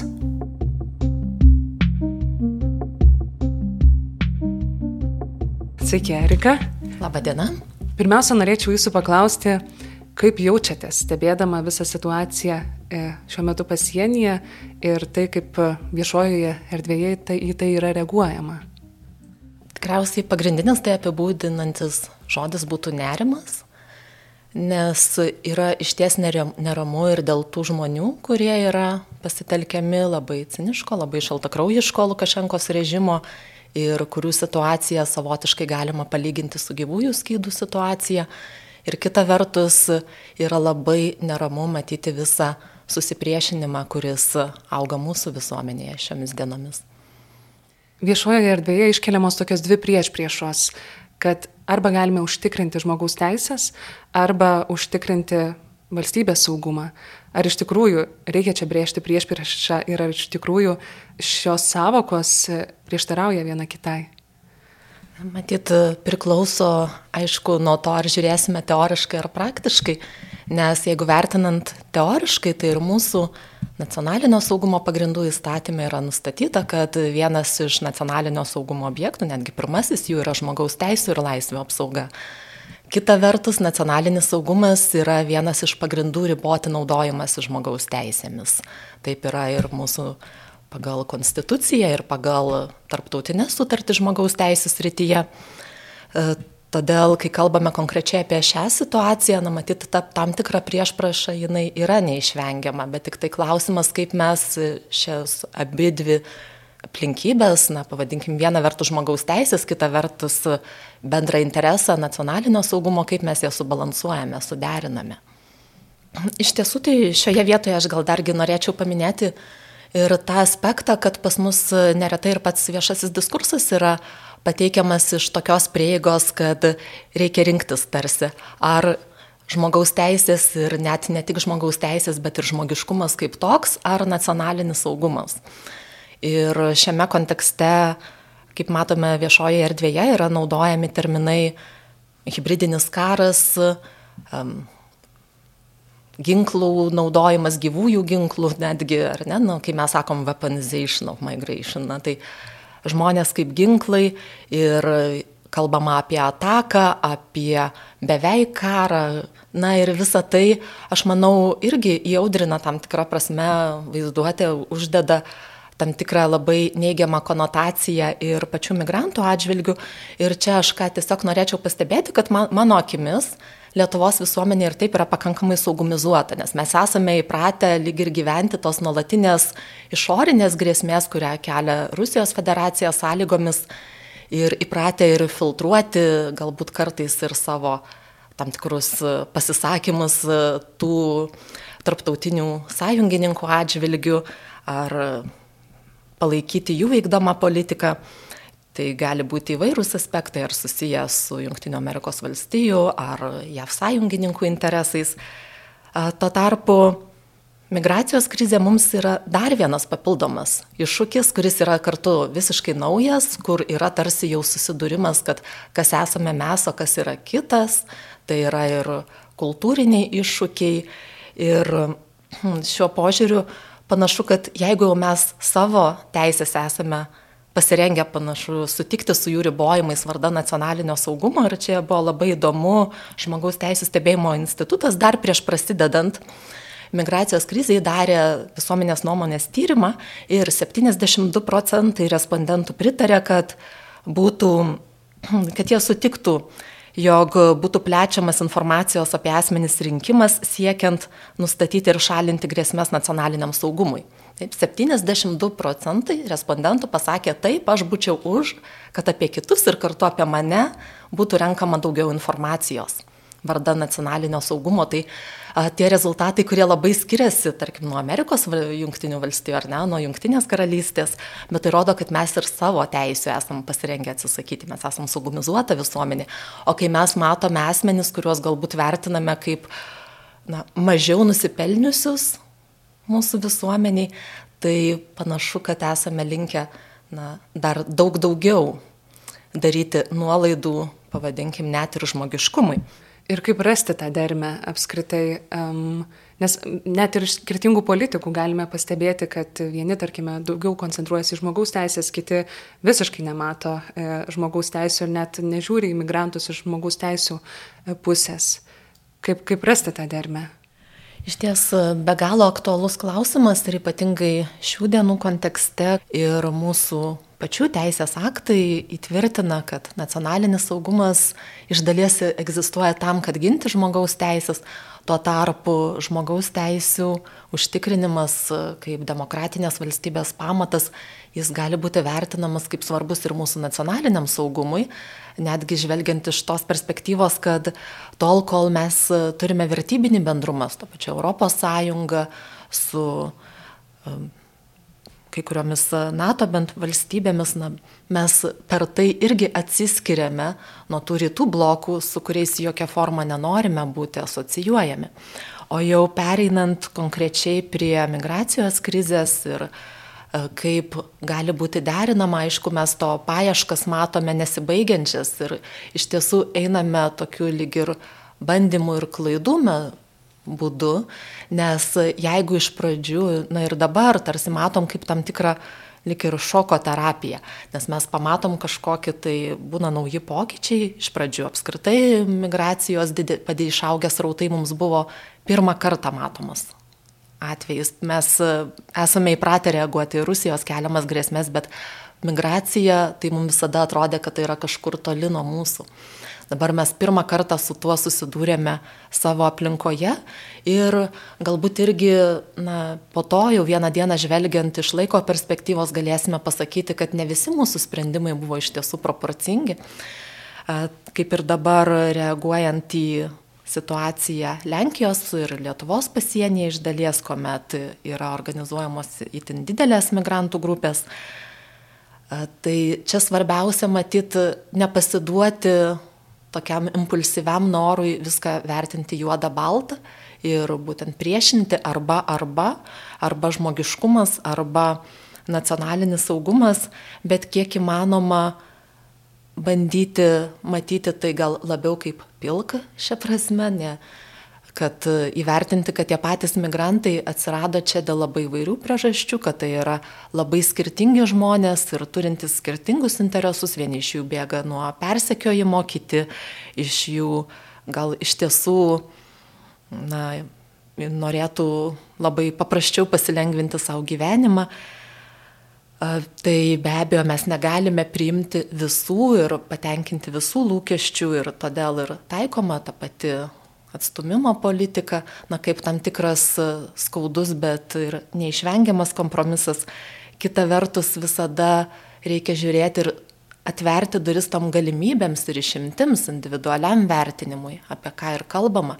Galiausiai humanitariniai pagalbai, tų pačių humanitarinių paketų dalinimas, na, kuris, e, aš visada mano manimu, turi eiti kartu ir su suprantama kalba pateikiama informacija apie tai, kaip galima teisėtai pasiprašyti prieglopščio. Taip pat kitas aspektas, vėlgi net ir jeigu vertiname situaciją kaip keliančią grėsmę mūsų nacionaliniam saugumui, na, mes negalime pamiršti, kad yra tokių teisių, kurios priklauso visiems žmonėms ir geriausiams, ir blogiausiams. Na ką ir Europos žmogaus teisų teismas nekarta yra pasakęs, nagrinėdamas, tarkim, ar tai būtų asmenys netgi kaltinami terorizmu, ar asmenys, kurie yra už sunkius nusikaltimus, nuteisti iki gyvos galvos, yra pasakoma, na, visi žmonės turi teisę, pavyzdžiui, į teisingą teismą arba e, teisę nepatirti kankinimo, žiauraus nežmoniško elgesio. Ir šio požiūriu, na, tas irgi garantijų suteikimas ne tik tai tiems, kas nusipelnė, na, irgi tą reikėtų turėti omenyje. Čia aš kalbu būtent vėl daugiausia apie tą pačią humanitarinę pagalbą, kad jinai nebūtų žmonės priversti sušalti šalia mūsų sienų. Tai neina kalba apie tai, dar kartą akcentuosiu, kad mes turime įsileisti visus, bet mes turime ieškoti tų kūrybingų sprendimų ir tas yra daroma kaip sudaryti jiems galimybę išgyventi, kaip suteikti informaciją, aišku, galbūt ir tas pasiūlymas, kur kreiptis, jeigu būtų apsispręsta grįžti į savo kilmės valstybės ir kartu kur pateikti prieglopščio prašymą ir kaip teisėtai pateikti prieglopščio prašymą tam, kad nuo persekiojimo bėgantys žmonės na, nebūtų paneigta jų prigimtinė teisė prašyti prieglopščio ir jį gauti, jeigu tam yra pagrindas. Ir ką daryti tiem žmonėm, kurie yra įstrigę, galbūt e, jie norėtų grįžti apskritai į savo kilmės šalis, bet nei viena, nei kita pusė neįsileidžia jų. Taip, tai čia irgi šias aplinkybės, aš manau, reikėtų jau išsiaiškinti, na, kuomet turime kontaktą su tai žmonėmis ir kalbant apie tuos, kurie įstrigę, irgi labai neramina tos situacijos, kuomet yra kalbama apie šeimas su mažamečiais vaikais, kurie yra tiesiog pavežami ir išleidžiami kažkur tai na, gilin kita kryptimi, kai tuo tarpu gal tam tikrais atvejais mes matome ar pagal turimus ypatingai asmens dokumentus, kad jeigu, sakykime, tie žmonės yra iš Afganistano, tai na, sudaryti galimybę jiems teisėtai pasiprašyti prieglopščio, nuvežant į tos pačius tarptautinius sienos skirtimo punktus. Minėjote, kad pasitelkiamos savokos hybridinio karo, atakų. Kaip apskritai reikėtų įvardyti tai, kas vyksta pasienyje? Na, iš tiesų tai, kas vyksta pasienyje, pavadinti tam tikrą hybridinę operaciją mes galime, bet aš būčiau už tai, kad tiesiog vardan diskurso formavimo ir vardan išvengimo to tokio susipriešinimo ir pačių migrantų, tarp kurių iš ties yra žmonių, kuriems reikalingas prieglopstis, kad išvengti jų sugrėsminimo, kad vengti tokių savokų kaip ataka, kaip karas, Nors galima suprasti, kad tai yra panašiai kaip mes kalbėtumėm apie informacinę ataką, pavyzdžiui, kad tai nėra taip, bet vis dėlto pagal pasiekmes mes matom, na, kad galiausiai įkaitais to mūsų požiūrio lieka ir pažeidžiami asmenys. Aišku, vėlgi, ne visi migrantai yra vienodai pažeidžiami. Taip, tarp jų yra tikrai visokių, yra ir agresyviai nusiteikusių, ir tų, kurie tiesiog naudojasi galimybę, gal eina va bank, siekdami pasinaudoti tuo atsivėrusių galimybių langų E, patekti į vakarų Europą. Tačiau vėlgi mes negalim nueiti į tuos kraštutinumus ir vertinti viskas arba nieko. O tai, kas vyksta, na, jeigu žiūrėti dargi iš kitos perspektyvos, na, yra tokia teisės naudojimo kaip karo koncepcija arba lofija koncepcija, kuri išplito ypatingai Junktinėse Amerikos valstijose.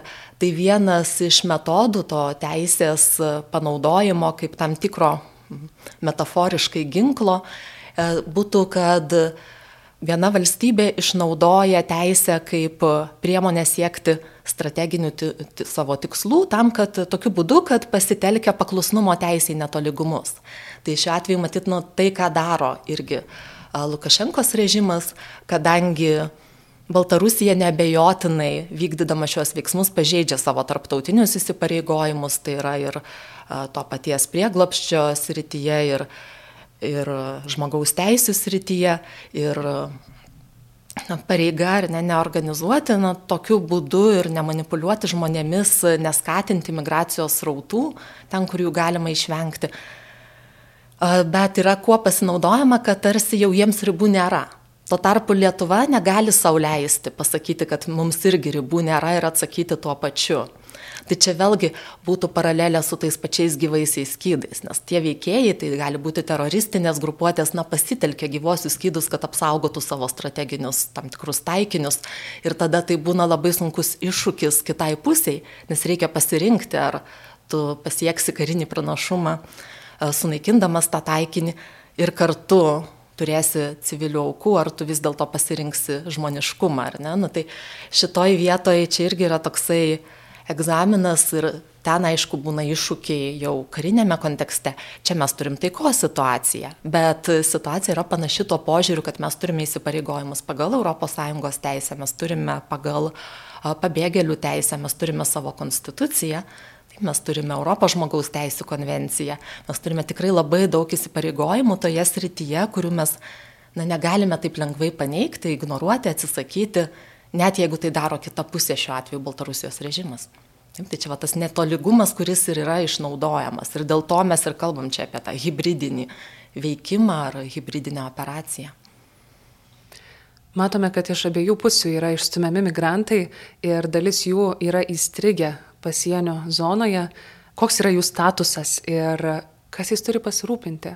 Na, čia šiuo atveju, matyt, jeigu žiūrėti iš žmogaus teisų perspektyvos, Tai yra kiekvienu atveju nustatoma, e, siekiama nustatyti, o kurios valstybės jurisdikcijoje jie tuo metu yra, nes tarsi vis tiek na, negali būti taip, kad jie nepriklauso nei vienos valstybės jurisdikcijai, kad jie iš vis yra už bet kokios teisės apsaugos ribų. Tai kalbant apie asmenis, kuriuos Lietuva išstumia, na, tie vadinamieji pushbacks iš savo teritorijos, na tai kai jie yra taikoma teisinė fikcija, kad tie asmenys yra neįleisti mūsų teritoriją, nes jie buvo sulaikyti pažeidžiant teisės aktų reikalavimus skirtę Lietuvos Respublikos sieną ir jie yra toliau išstumiami. Taip, iš mūsų teritorijos, tai kadangi uh, tą jų atsiradimą šitoj vietoj lėmė mūsų pareigūnų veiksmai, tai matyt, tai būtų jau ir Lietuvos jurisdikcija, jeigu byla nukeliautų į Europos žmogaus teisų teismą, nes čia galima e, vertinti ir kaip kolektyvinius išsiuntimus. Aišku, dabar įvedus nepaprastąją padėtį, matyt, Lietuva padarys pranešimą Europos tarybai, pasakydama, kad nukrypsta nuo tam tikrų savo tarptautinių įsipareigojimų. Na, bet tiesiog atsakant į tą klausimą, tai vis tiek, matyt, lieka nemaža dalimi ir Lietuvos atsakomybė, nes yra tokios teisės, nuo kurių ne, nukrypti negalima jokių atvejų. Tai yra teisė į gyvybę, kuri apimtų mūsų pareigą užtikrinti, kad žmogus nemirtų nuo šalčio ar bado tada, kaip galim suteikti tą pagalbą. E, kitas e, nenukrypstamas straipsnis Europos žmogaus teisų konvencijos yra teisė nepatirti kankinimo, nežmonišką ir orumą žeminantį elgesį, žeminančio elgesio, kuris be kita ko apima pareigą neišsiųsti asmens į ten, kur jam grėstų toks elgesys. Na ir jeigu mes suprantame, kad mes išstumsim asmenį ir ten jis neišvengiamai patirs nežmonišką elgesį, ar tai būtų, kad ir ta pati Baltarusija, tai leidžia kalbėti jau ir apie šios straipsnio galimus pažeidimus. Tai realiai taip, kaip elgesi dabar Lietuvos valstybės institucijos, jos nemažai e, tarptautinių sutarčių pažeidžia, ar ne? Na, čia šitoje vietoje aš manau, vėlgi mes todėl ir kalbame apie tam tikrą hybridinio pobūdžio veikimą iš Baltarusijos pusės, nes pati tarptautinė teisė ir šitie įsipareigojimai, jie irgi yra, buvo sukurti, prezumuojant, kad sistema veikia truputėlį kitaip. Na, kad tie žmonės, jie nėra pasitelkiami kaip instrumentas tam, kad pakengti kitai valstybei. Taip, tai čia kadangi jau yra kitos valstybės įsikišimas, tai irgi tarsi mes pradedame neišvengiamai šitoj vietoj kažkur tai einam į paribius, į kažkokias pilkasias zonas, tam, kad jau kaip ir sakot, atsiranda tada ir nacionalinio saugumo interesas, nes be abejo mes irgi visi supranta, kad Lietuvos socioekonominė padėtis yra tokia, kad mes negalime priimti neriboto žmogaus, žmonių kiekio. Ir įskaitant, kad tarptų žmonių, kaip minėta, irgi yra įvairiausių žmonių, na žmonės visada yra įvairūs. Bet čia ir atsiranda ta būtinybė labiau gal, kad net ir nepaprastosios padėties metu, tarkime, būtų svarbu turėti mechanizmą, kad kai yra neišvengiama na, priimti žmogų, tai kad mes galėtumėm tą priimti, nes dabar neramina tam tikri signalai, kad net ir dėl humanitarinių sumetimų asmenys nebus įsileidžiami. Nežinau, ar tai bus tikrai, nes šiai dienai mes nežinom, kaip apskritai veiks viskas, bet jeigu tai bus taip, tai tikrai tuomet jau bus dėl ko rūpintis. Trečiadienį naktį Lietuvoje buvo įvesta nepaprastoji padėtis ir tai suteikė vidaus reikalų pareigūnams daugiau galios veikti pasienio būtent zonoje ir norėčiau pacituoti vieną iš punktų. Sustiprinus valstybės sienos apsaugą, asmenys ketinantys kirsti ar kirtę valstybės sieną nenustatytose vietose ir esantys nepaprastosios padėties teritorijoje Į šalies teritoriją negali būti įleidžiami, prireikus, jei jie nepaiso teisėtų įgaliotų pareigūnų reikalavimų ar nurodymų, naudojant atgrasančius veiksmus ir psichinę prievartą, arba jei tokie asmenys savo aktyviais veiksmais ar turimais daiktais akivaizdžiai realiai kelia pavojų pareigūno ar kitų asmenų gyvybei ar sveikatai, proporcinga fizinė prievarta bei kitas Lietuvos Respublikos įstatymuose nurodytas specialiasias priemonės siekiant užtikrinti jų neįleidimą į šalies teritoriją. Tai Jūs vis kalbėdama užsimindavot apie žmonių kaip gyvųjų skydų naudojimą, ar apskritai proporcinga naudoti psichinę ir fizinę prievartą prie žmonės, kurie naudojami kaip gyvieji skydai.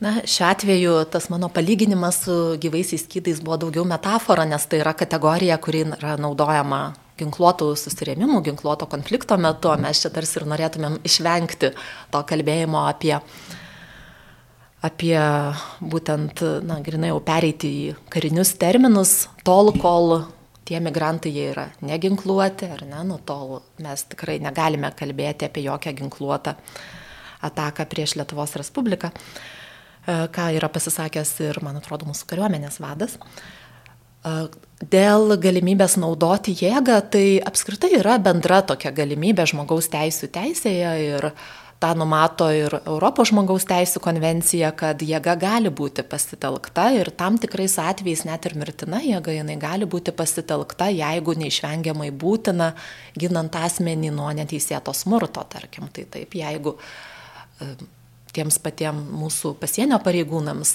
kiltų grėsmė jų gyvybei sveikatai arba kitas pagrindas, malšinant reušės ar sukilimą, tai vėlgi jeigu tai mes matome, kad yra kažkokie uh, labai agresyvūs smurtiniai veiksmai, tai na, gali būti jėga panaudota, bet tol, tai manau, čia šitoje vietoje yra į tai atsižvelgta, dalies toje formuluotėje. Mane gal labiau neramina ta nuostata, kad atrodo, kad tas neprieimimas, neįleidimas, jis, kaip ir minėjau, kad absoliučiai visiems bus taikomas, kurie neteisėtai pateko į Lietuvos Respublikos teritoriją, nes įprastai uh, na, ta nuostata, jeigu mes neturėtumėme Baltarusijos elemento, na, lyg ir būtų suprantama, nes tarsi mes sakytumėm, žmonės patys kalti savotiškai savo veiksmais prisijima tą riziką, na, ką dažnai yra akcentuojama, ar ne, jie daro nusikaltimą ten, kai sakoma, nors iš tiesų, jeigu prašai kerti tą sieną neteisėtai siekiant pasinaudoti prieglopščio teisę, tai tikrai nėra laikoma nusikaltimu, bet, na, pavadinkim, yra, sakoma, na, jie prisėmė riziką, jie žinojo tarsi, kodėl jie tai daro, kai jie galėjo eiti per uh, pasienio patikros punktus, tai per galiausiai pasiprašyti prieglopščio gal Lietuvos diplomatinėje atstovybėje Minske. Bet mes kartu juk matome, kad neretai tie žmonės pakankamai toli nuo mūsų tarptautinių sienos pasienio punktų atsiduria ir atsiduria ne savo iniciatyva, o todėl, kad jie yra tenais atvežami, kad jie yra ten paleidžiami, kad jie yra verčiami eiti per sieną neteisėtose vietose ir kad yra sukurtas visas mechanizmas iš jų kilmės šalių apskritai ir nežinau, ar, ar galima tai vardyti kaip prekyba žmonėmis? Na, priekyba žmonėmis irgi čia įprastai mes kalbam apie tai kaip nusikaltimą, kurį daro ne valstybė. Ir čia kaip ir su terorizmu, kuomet buvo perimtas uh, orlaivis ir prievarta nutupdytas Minske, na irgi mes tarsi to negalėjome taip formaliai įvardinti orlaivio užgrobimu. Bet e, šiuo atveju, kad tai įgalina, kad tai skatina tokie veiksmai priekyba žmonėmis, tai manau, kad tai be abejo. Įvedus nepaprastąją padėtį yra e, sukurta dar ir daugiau apribojimų, tai vienas iš jų yra E, sulaikytų migrantų komunikacija mobiliosiomis ir internetinėmis technologijomis, išskyrus su valstybės institucijomis, tai reiškia, kad e, automatiškai jie negalės bendrauti su savo šeimomis. Ir lygiai taip pat jiems yra uždrausta skleisti informaciją, tai m, apribos nevyriausybinio organizacijų apskritai stebėsena apie jų sąlygas. Tai um, ar, ar šios priemonės yra proporcingos uh, tarptautinės teisės atžvilgiu?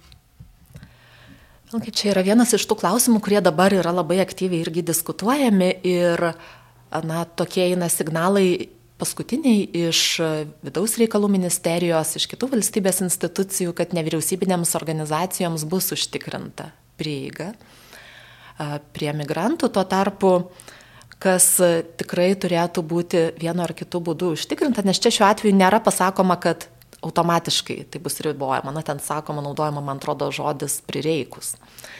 Tai va, kaip tas prireikus bus traktuojama, bet net jeigu ir turint pagrindą ir matant, kad turint informaciją, kad gal tikrai vyksta kažkokie na, netinkama komunikacija, kad ir prireikia apriboti, vis tiek turėtų būti sukurti mechanizmai, kaip ir sakėt, kaip su, pabendrauti su šeimos nariais. Ne? Tai gali būti kažkaip ar tarpininkaujant tada pareigūnui, bet kad tai iš tiesų vyktų, kad būtų palikta ta galimybė pabendrauti ir matyti, kad tai galėtų turėtų būti užtikrinta ir be kažkokio perdėto stebėjimo, ar ne. Kitas aspektas labai svarbus, net ir įvedus nepaprastąją padėtį, mūsų konstitucija nenumato teisės kreiptis į teismą galimybės ribojimų. Ir šioje vietoje yra palikta tik besąlyginė išlyga susisiekti su valstybės institucijomis, bet asmo, kuris teikia teisinę pagalbą, tai įprastai nėra valstybės institucijos atstovas. Kaip tik, jeigu mes kalbėsime apie advokatus, advo, apie advokatų padėjėjus, apie šiaip teisininkus, na, tai nėra valstybės institucijų atstovai. Ir galimybė ieškoti teisinės pagalbos ir ją gauti taip pat yra labai svarbu, kad ji būtų užtikrinta. Šiuo metu viešojoje erdvėje toks tarsi pasidalinimas yra į kelias stovyklas ir mm, žiūrima į žmonės, kuriems rūpi migrantų teisės, tarsi valstybės priešus, o tuos, kurie e, visiškai nemato žmogus teisų pažeidimų ir rūpinasi tik saugumu, tarsi tikrus šalies patriotus. Um, kaip nesusipjauti tarpusavį ir matyti viską kompleksiškiau ir kodėl taip siaurai e, žiūrime ir matome vienas kitą. A, tai tą tokį siaurą žiūrėjimą gal aš irgi siečiau su to, kad tai yra tam tikras šokas mums. Nes, na, ir galbūt vieną dieną, ir aš tikiuosi, kad vieną dieną pažvelgia atgal mes galėsime tiesiog sakyti taip, na, tai buvo mums netikėtas iššūkis ir per tai galėsime tai paaiškinti. Nu, tam tikra analogija būtų, jeigu prisiminti pačią pandemijos pradžią. Ir na, tuomet, kai ten būdavo tik po kelis susirgymus, ar ne, ir ten visi ieškojo kiekvieną, apie kiekvieną žmogų buvo socialiniuose tinkluose renkama informacija apie galimus kontaktus arba kuomet buvo skiriamos irgi didžiulės bausmės už tai, kad žmogus gal išėjo į laiptinę parūkyti ir tuo metu buvo be kaukės, na tikrai tų bylų buvo ar ne. Na šiai dienai nu, mes jau matome, išmokstame gyventi pandemijos kontekste ir galime diskutuoti dėl įvairių valdymo priemonių, bet, na, matyti, tie pati pirminė reakcija mums šiai dienai, na, atrodo tokia, šiek tiek, na, kur galbūt antrą kartą jinai būtų kitokia. Tai čia irgi, na, matyti, kad tas toks susipriešinimas jis labai išauga su tomis situacijomis, kai įvyksta nauja kažkokia tai eskalacija situacijos. Taip, nu, va, kaip ir dabar mūsų nepaprastosios padėties įvedimai ir aš tikrai manau, kad nepaprastoji padėtis kaip tokia pasienio ruožė, na, matytinai buvo ir yra reikalinga, nes mūsų priemonės, kurias taikome, nu tai yra nepaprastosios padėties priemonės. Ir mes iš tiesų šią prasme na, ne visiškai išpildome savo tarptautinius įsipareigojimus. Ir įskaitant dėl draudimo kolektyviai, tai yra individualiai neįvertinus aplinkybių išsiųsti asmenis, nes išstumimai yra vertinami būtent kaip kolektyviniai išsiuntimai žmogaus teisų teisėje. Ir ypač Europos žmogaus teisų teismo praktikoje.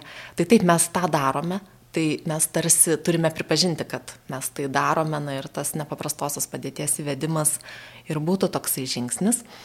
Bet po to kartu tas nepaprastosios padėties įvedimas vėlgi neturėtų paneigti žmogiškumo, ar ne? Tai nepanei, neturėtų paneigti galimybės uh, įsileisti dėl humanitarinių priežasčių asmenis, kur matome, kad jų sveikatai gyvybei galbūt grėsia grėsmė dėl sveikatos būklės, dėl šalčio, kitų aplinkybių. Kad tai neturėtų būtent privesti prie to, kad kiltų klausimas, o tai gal mes suspenduojam ir tą netimamą teisę nepatirti nežmoniško elgesio ar nežmoniškų sąlygų. Mhm. Gerai, ačiū Jums labai. Dėkui Jums.